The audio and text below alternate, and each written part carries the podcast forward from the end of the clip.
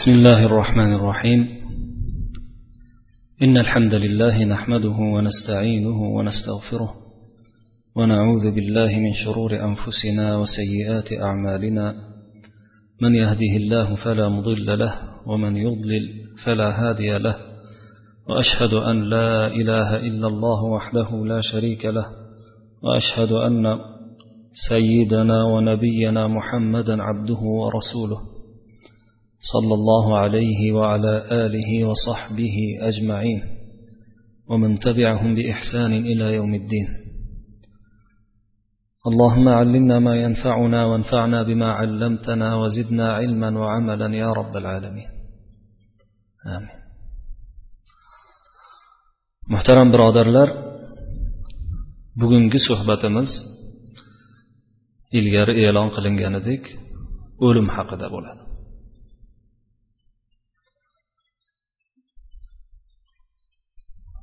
Ma'lumki o'lim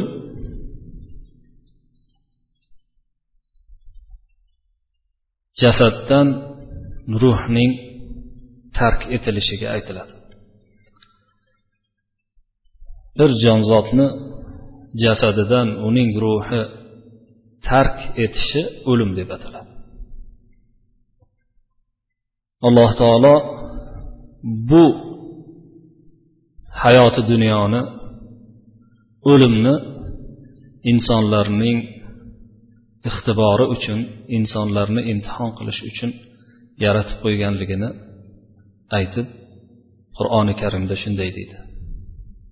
Allazi xalaqal mavta val hayata liyabluwakum ayyukum ahsanu amala. U zot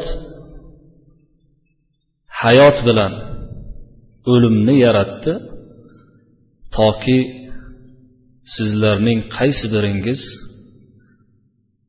yaxshiroq amal qiluvchi ekanligingizni imtihon qilib bil balolantirib ya'ni imtihon qilib tekshirib olishi uchun. Demak biz mana shu hayoti dunyoda to ajalimiz yetgunga qadar o'lim soati kelgunga qadar imtihon dunyosida yashar ekanmiz. Qur'oni karimda o'lim so'zi o'zining mushtaqotlari bilan ya'ni o'lim degan so'zdan tarkib topgan fe'llar ismlarni qo'shib hisoblaganda o'nlab oyatlarda ba'zilar buni yuzdan oshiq oyatlarda zikr etilgan deyishgan ko'p oyatlarda zikr qilinadi. Shulardan biri yuqoridagi oyat hisoblanadi. Yana bir oyatda alloh subhanahu va taolo kullu nafsin zaiqatul maut har bir jon o'limni totuvchidir deydi. Bu o'limdan insonning bironta zoti mustasno emas. Barchaga keladigan oqibat hisoblanadi. Demak o'lim barchaga keladigan mahtum bo'lgan aniq bo'lgan ish hisoblanadi. shuning uchun ham payg'ambar sollallohu alayhi vasallam haqida gapirayotganda alloh subhanahu va taolo mo'minlarga xitob qilib afa immata أو قتل انقلبتم على أعقابكم وما محمد إلا رسول قد خلت من قبله الرسل أفإن مات أو قتل انقلبتم على أعقابكم ديد يعني muhammad sollallohu alayhi vasallam bir elchi xolos. Ollohning risolatini payg'omini yetkazuvchi bir inson. Agar unga o'lim yetib o'lib yoki qatl qilinib qoladigan bo'lsa sizlar orqaga qarab tislanib ketasizlarmi? Orqangizga qarab deydi. Ya'ni bu bilan insonlarning barchasi hatto payg'ambar alloh taoloning eng suyukli bandasi bo'lgan zot payg'ambar sallallohu alayhi vasallam ham o'limdan mustasno emasliklariga ishora qiladi. O'lim dunyo hayotining borib borib oxiri tugaydigan hayot ekanligini bildirib turuvchi narsa bo'lganligi uchun ham qur'onda o'limni ko'p eslangan. Hadisi nabaviylarda ham payg'ambar sollallohu alayhi vasallam doimo o'limni eslatuvchi so'zlarni aytib turganlar. Mana shunday hadislardan bittasi payg'ambar sallallohu alayhi vasallam aytardilarki lazzatlarni kesuvchi o'limni eslanglar derdilar. Ya'ni kishi borib baribir o'sha tuproqni tagiga yer ostiga qo'yilajagini fikr qiladigan bo'lsa dunyodagi lazzatlar unga tatimasligini dunyodan keyingi bo'ladigan hayotni o'ylab qolishini o'ylab qolishiga ishorat ekanligidan mana shunday marhamat sallallohu alayhi vasallam marhamat qiladilar. Demak o'lim insonni barcha insonni boshiga keladigan aniq mahtum ajal hisoblanadi muddat hisoblanadi. Darvoqe qur'oni karimda o'limning o'lim zikri bilan aytilishidan tashqari ajal so'zi bilan ham muddat ma'nosida keladi. Qur'oni karimda bunga oyatlar juda ko'p. Ya'ni ularning muddati yetgach ular o'sha muddatlaridan kechiktirilmaydilar ham oldin ham o'tib ketmaydilar degan ma'nodagi oyatlar ko'p keladi. O'sha muddatdan murod o'lim hisoblanadi. O'limni olish surati ya'ni o'limning kelish surati esa barcha insonlarga alloh subhanahu va taoloni izni bilan farishtalar yordamida o'sha ruh jasaddan chiqarib olinadi. Insonning ruhi jasaddan chiqarib olinadi. Darvoqe ruh deganda bizni ko'pchiligimizga ma'lum. Alloh subhanava taolo o'zining huzurida saqlab qo'ygan ilmlardan hisoblanadigan bir narsadir. Ruh. Chunki ruhni kayfiyati qanaqa ekanligini ruh nima ekanligini alloh subhanava taolo biron bir maxluqiga bandasiga bildirmagan. Shuning uchun ham suray isroda sizdan ruh to'g'risida so'raydilar. Aytingki ruh parvardigorimni ishidandir deng degan oyatni keltiradi. Demak ruh inson jasadidan tashqariga chiqarilishi bilan o'lim keladi. Insonning ruhga bo'lgan aloqasini ulamolar to'rga bo'ladilar. Buni hali azobi qabr to'g'risida hadislar kelganda buni batafsilroq balki vaqti bo'lar zikr qilishdi. Lekin hozir o'sha to'rtta turini qisqacha aytib o'tib ketmoqchiman. Birinchi aloqasi ruhning jasadga bo'lgan birinchi aloqasi onaning qornida bo'ladi. O'sha jasadga ruh kirgizilgandan keyin to tug'ilguncha bo'lgan holat. Ikkinchisi dunyo hayotidagi tiriklik paytidagi aloqasi ruhning jasadga bo'lgan. Uchinchisi o'limdan keyin barzax hayotidagi aloqasi to'rtinchisi eng mukammal aloqa esa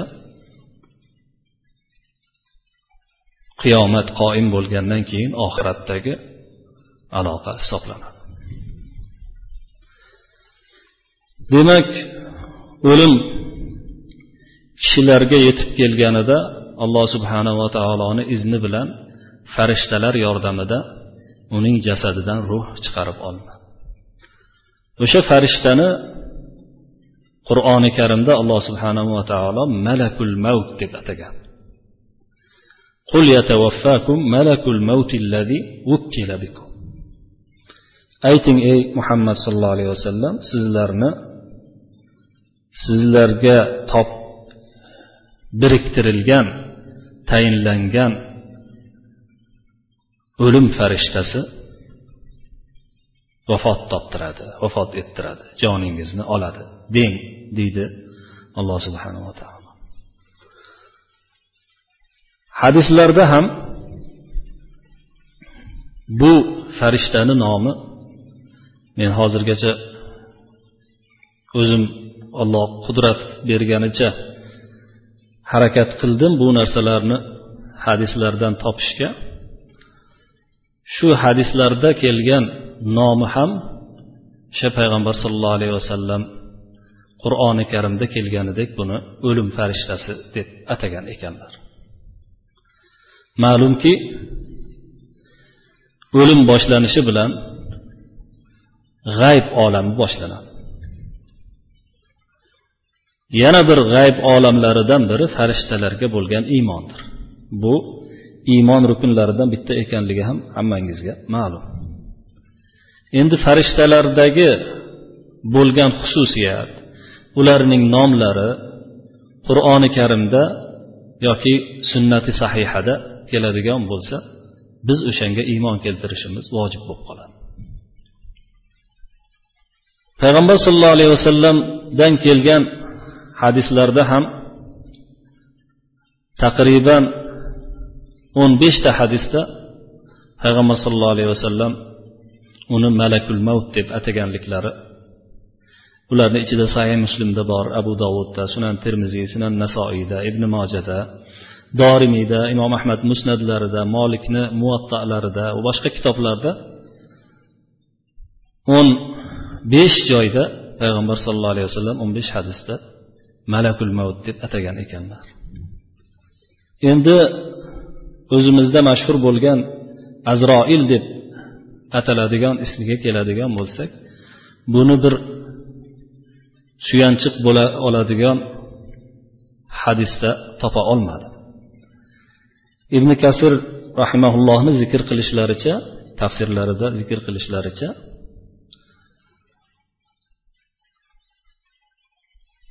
bu narsa qur'onda ham sunnatda ham kelmagan u kishini aytishlari bo'yicha. Ba'zi ulamolar buni ba'zi asarlardan ya'ni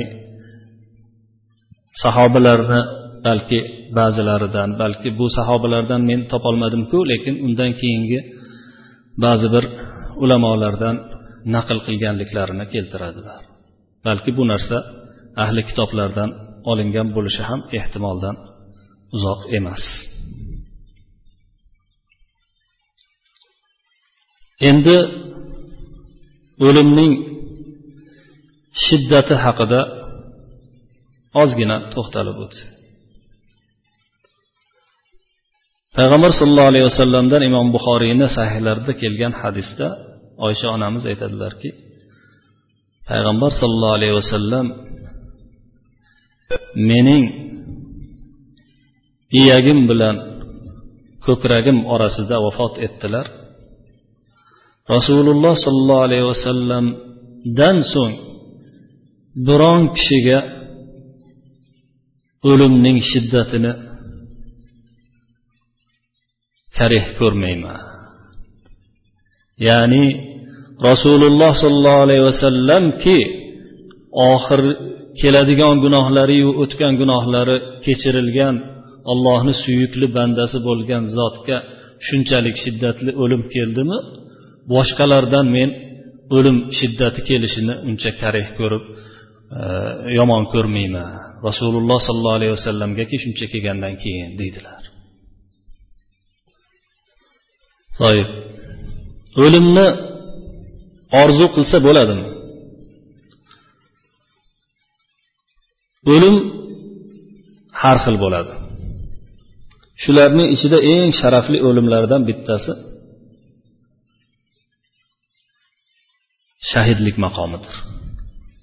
Shahidlik maqomini orzu qilish esa payg'ambar sallallohu alayhi vasallamdan qolgan sunnat hisoblanadi. Payg'ambarimiz sallallohu alayhi vasallam imom buxoriyda kelgan hadisda abu hurayra roziyallohu anhu u kishidan rivoyat qilib aytadilarki payg'ambar sallallohu alayhi vasallam aytdilarki jonim qo'lida bo'lgan zotga qasamki mo'minlardan ba'zilarining meni orqamdan qolib ketishlari ular uchun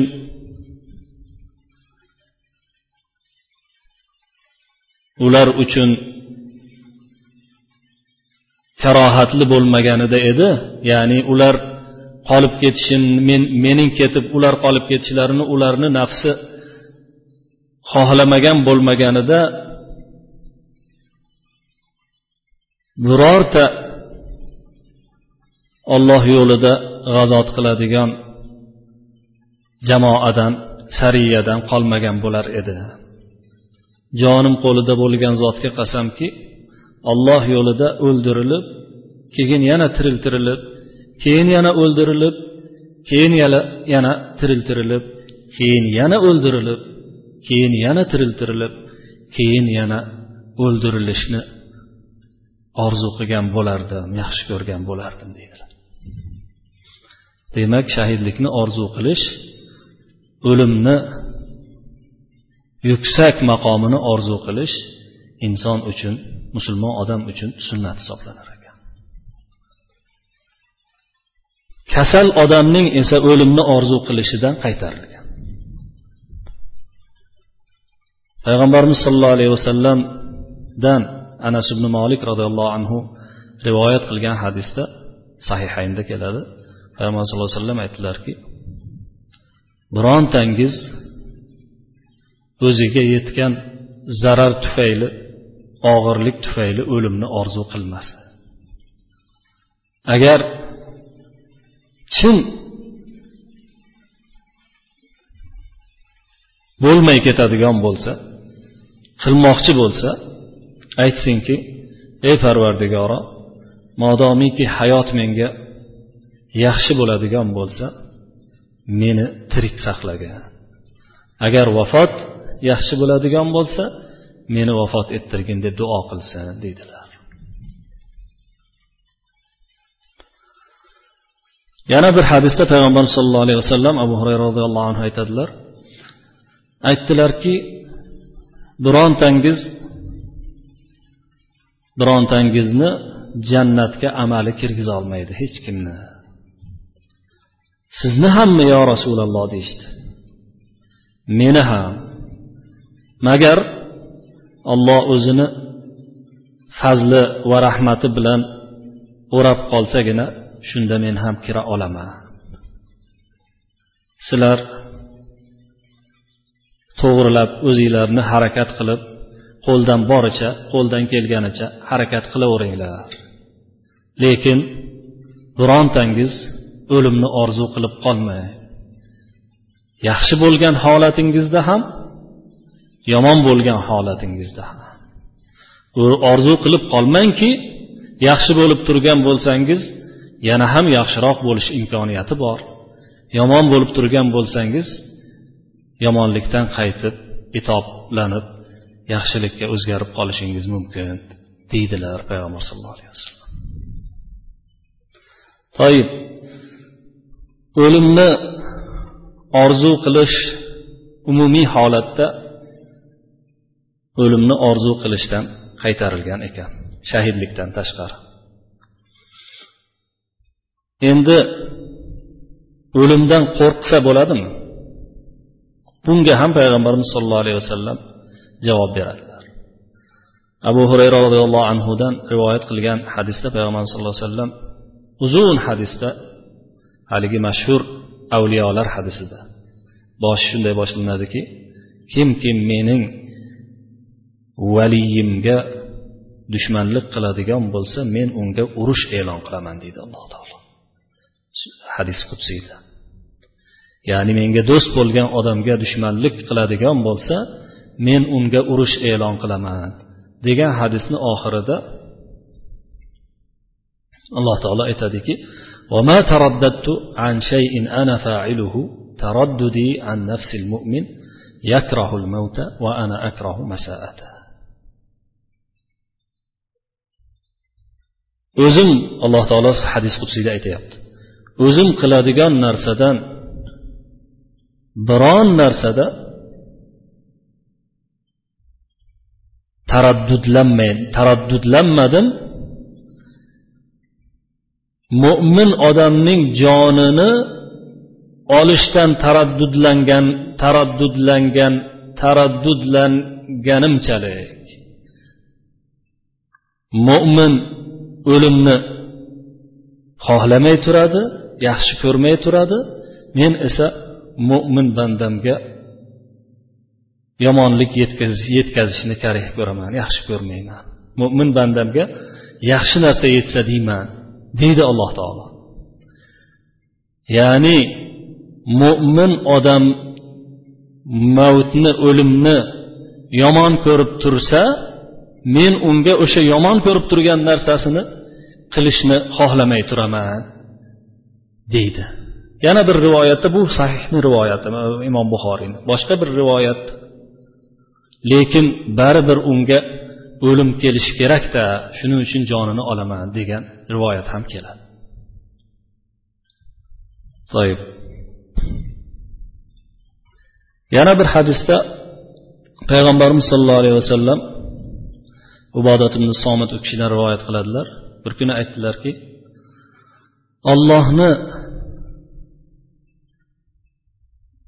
uchrashuvini allohga bo'lgan uchrashuvini kim yaxshi ko'rsa olloh u bilan bo'lgan uchrashuvni yaxshi ko'radi u bilan uchrashishni kim ollohga bo'lgan uchrashuvni yomon ko'radigan bo'lsa olloh u bilan uchrashuvni yomon ko'radi. Shunda oysha onamiz aytdilarki yoki payg'ambar sallallohu alayhi vasallamni ayollarida yana ba'zilari aytdilarki biz o'limni yomon ko'ramizku uncha xohlamaymizku. Deganda yo'q u ma'noda emas dedilar. Lekin dedilar payg'ambar sallallohu alayhi vasallam mo'min odamga o'lim hozir bo'lganda joni olinayotgan paytda ollohni roziligi uni hurmati bilan unga xushxabar beriladi. Shunda xushxabar berilganda o'zini oldidagi narsadan sevimliroq narsa ko'rinmay qoladi. Ya'ni o'limdan ko'ra sevimliroq narsa tezroq kelsin o'lim o'sha ollohni huzuriga boray deb qoladi. Shunday ollohni huzurini mm, yaxshi ko'rib uchrashishni yaxshi ko'rib qoladi. Kofir odam esa o'lim hozir bo'lganida sakaratul mavtda yotganida ollohni azobi va uqubati bilan unga xabar yetkaziladida oldidagi ya'ni o'limdan biron narsa o'limdan ham ko'ra unga yomonroq ko'rinmay qoladi. Ya'ni o'lim eng yomon ko'rinib qoladi. Shunda olloh bilan uchrashishni yomon ko'radida olloh ham u bilan uchrashishni yomon ko'radi deydilar payg'ambar yana bir hadisda bu o'sha hadisni davomida imom muslimni e, rivoyatlarida keladi. O'sha o'lim soati degan nimani oysha onamiz tafsir qiladilar. Ya'ni o'lim soatini holati shunday bo'ladiki deydilar. Ko'z tepaga qadalib ko'krak ko'tarilib tushib teri titrab barmoqlar qotib boshlaganda ana o'sha paytda ollohni uchrashuvini yaxshi ko'rib qoladi olloh uni uchrashuvini yaxshi ko'rib qoladi deb tepadagi hadisni tafsir qiladilar. Toyib. Endi o'lim o'limni orzu qilmasin degan hadis o'tildi tepada. Keyin shahidlik maqomini orzu qilish ham o'tdi. To'satdan bo'lgan o'limlarchi to'satdan o'lim kelib qolishidan panoh tilash kerakmi yo tilamaslik kerakmi? To'satdan bo'lgan o'lim alloh subhanava taoloni o'sha bandalarini orasida taqdir qiladigan qazolaridan qadarlaridan bittasi hisoblanadi. Masalan birov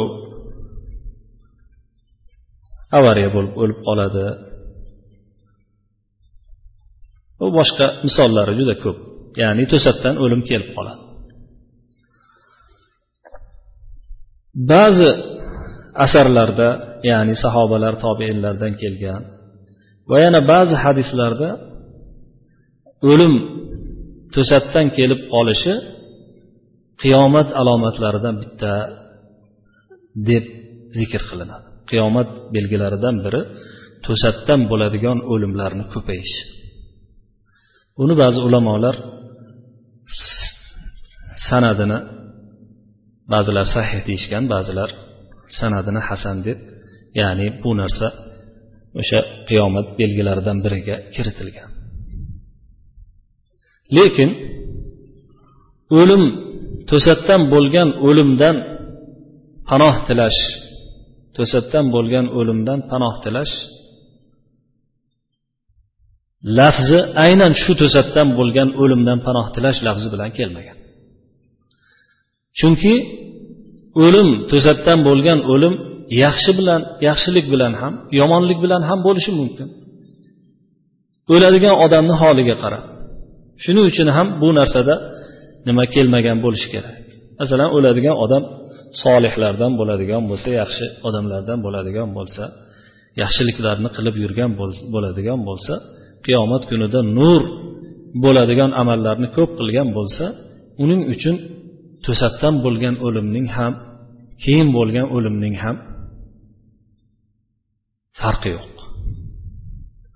Lekin o'ladigan odam kamchilikli doim tavbani kechiktirib yuradigan yoki o'zgalarga zulm qilib boshqalarni ezib yuradigan odam bo'ladigan bo'lsa allohni g'azabiga uchrab yurgan odam bo'ladigan bo'lsa to'satdan bo'lgan o'lim unga tavba eshigini bekitib qo'yishligi mumkin. Shuning uchun ham kishilar bu o'limdan qo'rqishadi. To'satdan bo'lgan o'limdan.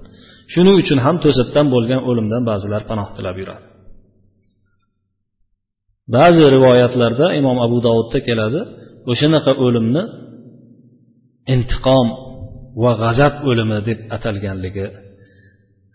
Payg'ambarimiz sollallohu alayhi vasallamni lafzi bilan aytadigan bo'lsak to'satdan bo'lgan o'lim g'azab ushlovidir deydilar payg'ambar sallallohu alayhi vasallam. Demak jonni solih bo'lishi insonni solih bo'lishi yoki uni teskarisi bo'lib solih bo'lmasligi to'g'risida qat'iy bir so'z bo'lmaganligi uchun qalblar alloh huzurida xuddi insonlarni tashqaridagi shakllari qanchalik o'zgarib tursa qalblar undan ham ko'ra tafovuti bo'lganligi uchun bu narsalar insonlarga insonlardan g'oyib bo'lganligi uchun buni ya'ni o'lim to'satdan kelgan o'lim yaxshi yoki yomon deb aytib bo'lmaydi. Ya'ni to'satdan kel, bu kelgan o'lim shu tepada aytilgan tafsilga binoan ba'zilar uchun yaxshi ba'zilar uchun yomon bo'lishi mumkin. Shuning uchun ham payg'ambar sallallohu alayhi vasallamdan bu narsada sobit bir hadis rivoyat qilinmagan. Lekin alloh subhanahu va taoloni intiqomini to'satdan kelib qolishidan panoh tilangan bu narsa bu hadis sahih hadis hisoblanadi. Imom muslimni e, sahihlarida keladi. Payg'ambarimiz sallallohu alayhi vasallam aytar duolaridan biri shu ediki ey parvardigoro men sendan ne'matingning zavolga ketishidan yo'q bo'lib ketishidan ofiyatingning o'zgarib teskarisiga aylanib ketishidan intiqomingning to'satdan kelib qolishidan va barcha g'azabingdan panoh tilayman derdilar. O'sha intiqomni to'satdan kelib qolishidan degan so'zni ichiga o'sha tepada o'lim ham kiritildi. Intiqom soati deb yoki intiqom ushlovi deb agar shu ma'noda aytiladigan bo'lsa mana shu intiqomingni to'satdan kelib qolishidan degan duoni ichiga kirib ketadi. Bu to'g'rida ya'ni o'limning turli holatlari to'g'risida hadislar anchagina ko'pgina kelgan.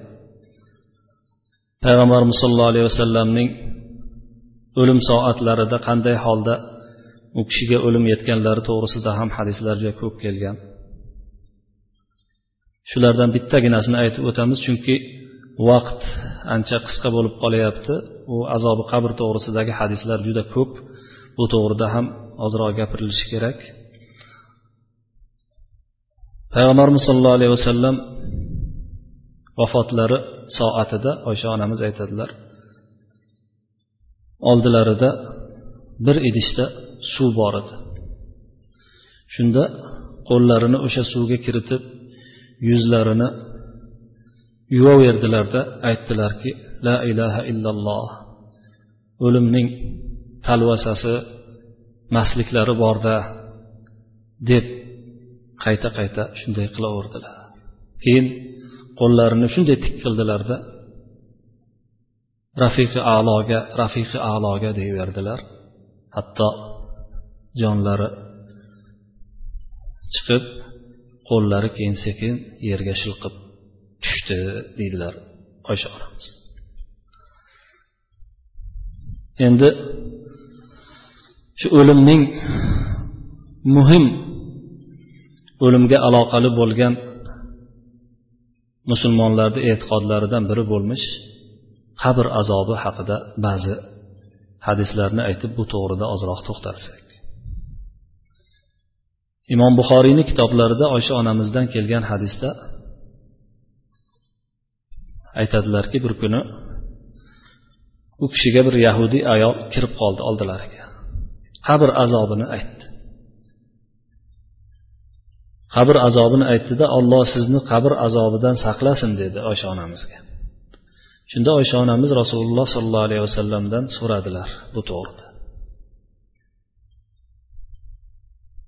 Shunda payg'ambarimiz sallallohu alayhi vasallam aytdilarki ha qabr azobi haqdir. Keyin oysha onamiz aytadilarki rasululloh sollallohu alayhi vasallamdan keyin mana shundan keyin biron bir namozda ko'rmadim. Magaram doim qabr azobidan panoh tilaganlarini ko'rdi deydilar. Asmo binti abi bakr roziyallohu anhudan rivoyat qilinadi. Aytardilarki payg'ambar sollallohu alayhi vasallam bir kuni xutba qilib o'rinlaridan turib xutba qildilarda qabr fitnasini inson qabrida azobga duchor bo'ladigan qabr fitnasini zikr qildilarda. Shunaqangi gapirdilarki musulmonlar bundan ancha g'uvillab dodvoy solib yig'lashga tushdilar deydilar. Anas ibn molikdan rivoyat qilingan hadisda payg'ambarimiz sollallohu alayhi vasallam aytdilarki banda qabriga qo'yilganda va undan do'stlari yuz o'girib qabriga qo'yishib keyin yuz o'girib ketishganida ularni oyoq kiyimlarini eshitib turadi. Shunda uni oldiga ikkita farishta keladilar. Uni o'tirg'izadilar. Unga aytadilarki manavi odam to'g'risida nima derding hayotingda ya'ni payg'ambar sallallohu alayhi vasallam. Mo'min odamga keladigan bo'lsak aytadiki men guvohlik beramanki u zot ollohni bandasi va elchisidir deydi. Shunda unga qarab aytiladiki u anavi do'zaxdan bo'lgan o'tir joyingga qara. Alloh subhanava taolo uni badaliga senga mana jannatdan bo'lgan joyni almashtirib berdi. Hamma ikkalasi ikkala joyni ham ko'rib turadi. Keyin unga qabrida juda keng qilib beriladi. Munofiq bilan kofir esa unga ham xuddi shu savol beriladi. Shunda u bilmadim deb javob beradi. Odamlar aytayotgan narsani aytdi. Shunda bilmasding ham o'qimasding ham deb temirdan bo'lgan bir bolg'a bilan shunday uriladiki uni og'rig'iga qattiq qichqirib yuboradi insu jindan boshqa hamma jonzot buni eshitadi deydilar. U imom buxoriy bilan imom muslimni sahihlarida keladi. Yana payg'ambarimiz sollallohu alayhi vasallamdan rivoyat qilgan abu hurayra roziyallohu anhu rivoyat qilgan hadisda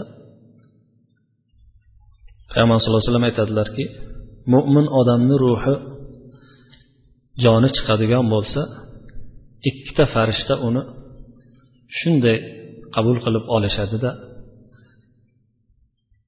tepaga qarab olib chiqib ketishadi. Qayerdan osmondan qayerdan o'tayotgan bo'lsa o'sha tarafdan uchragan farishtalar uni bu ruhni bunday shirin ruh ekanligini havas bilan aytib turadilar.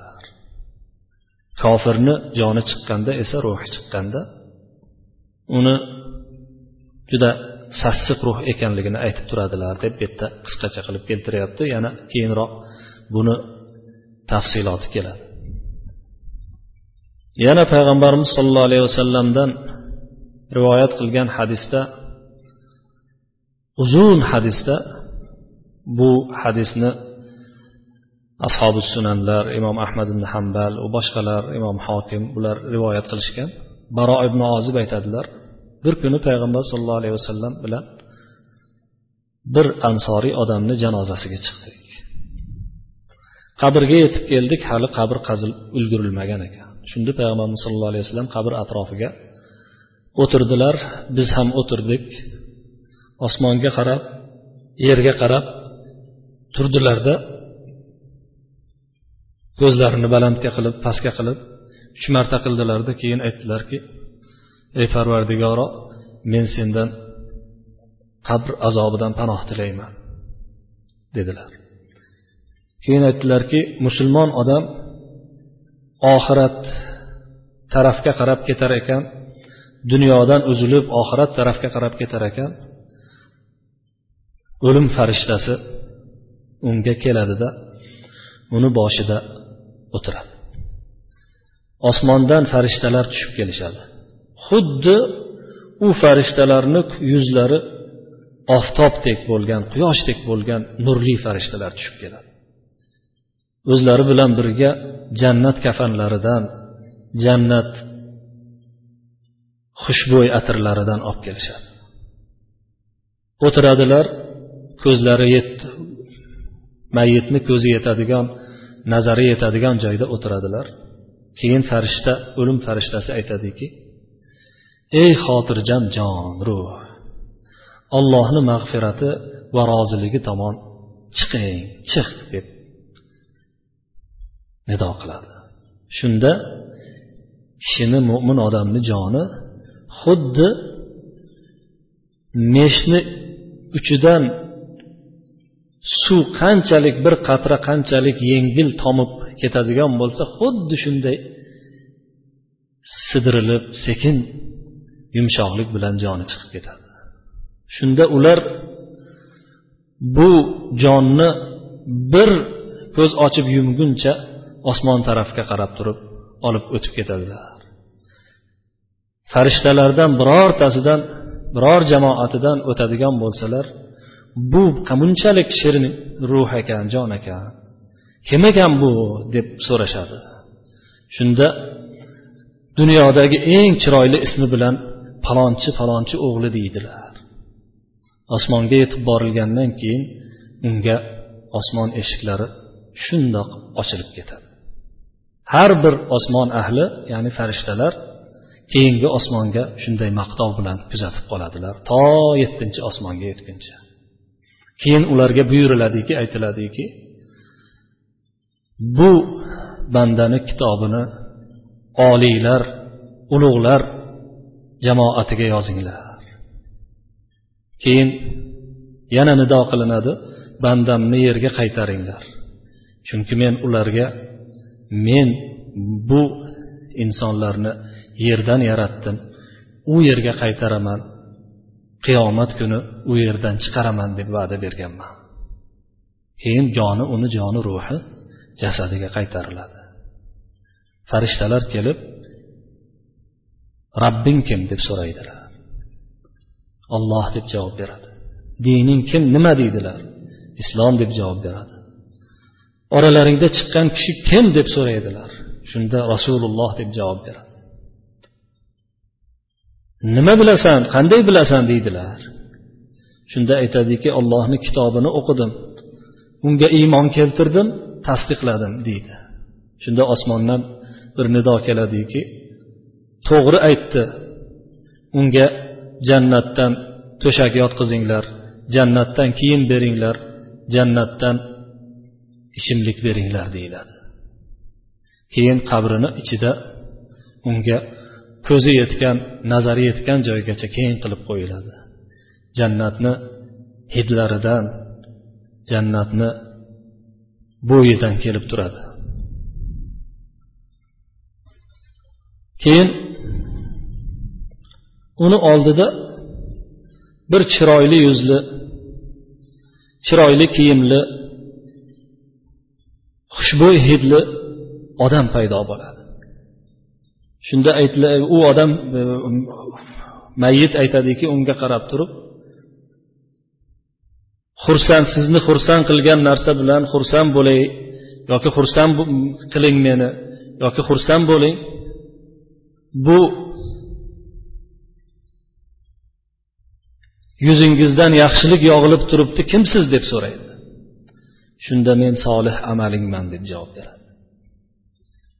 Shunda keyin u nido qiladiki parvardigoro tezroq qiyomatni qoyim qilgin. Men ahlimga molimga borib ularga men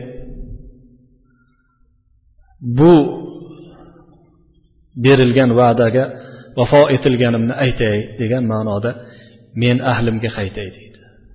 Keyin alloh subhanava taoloning shu ushbu oyatini payg'ambarimiz sollallohu alayhi vasallam o'qidilarki iymon keltirgan bandalarni alloh subhanava taolo dunyo hayotida ham oxiratda ham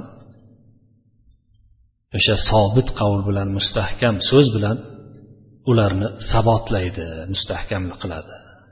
Fojir odam esa buni teskarisi bo'ladi. Oxiratdan dunyodan oyoq uzib oxirat taraf burilar ekan unga farishta o'lim farishtasi boshida o'tirilib o'tirib uzoqdan unga qora yuzli qo'lida gurzi bo'lgan farishtalar kelib o'tiradilar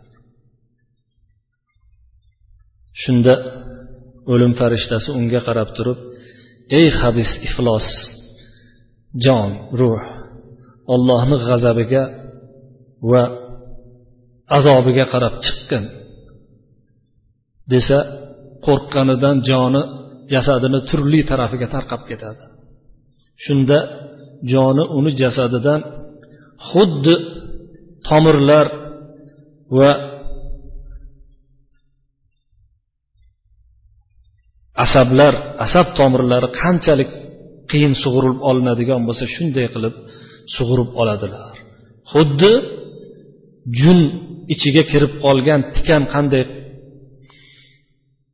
qiyin sug'uriladigan bo'lsa o'shanday qilib sug'urib oladilar deydilar keyin bir zum ham o'tkazmasdan uni osmonga chiqarib ketadilar.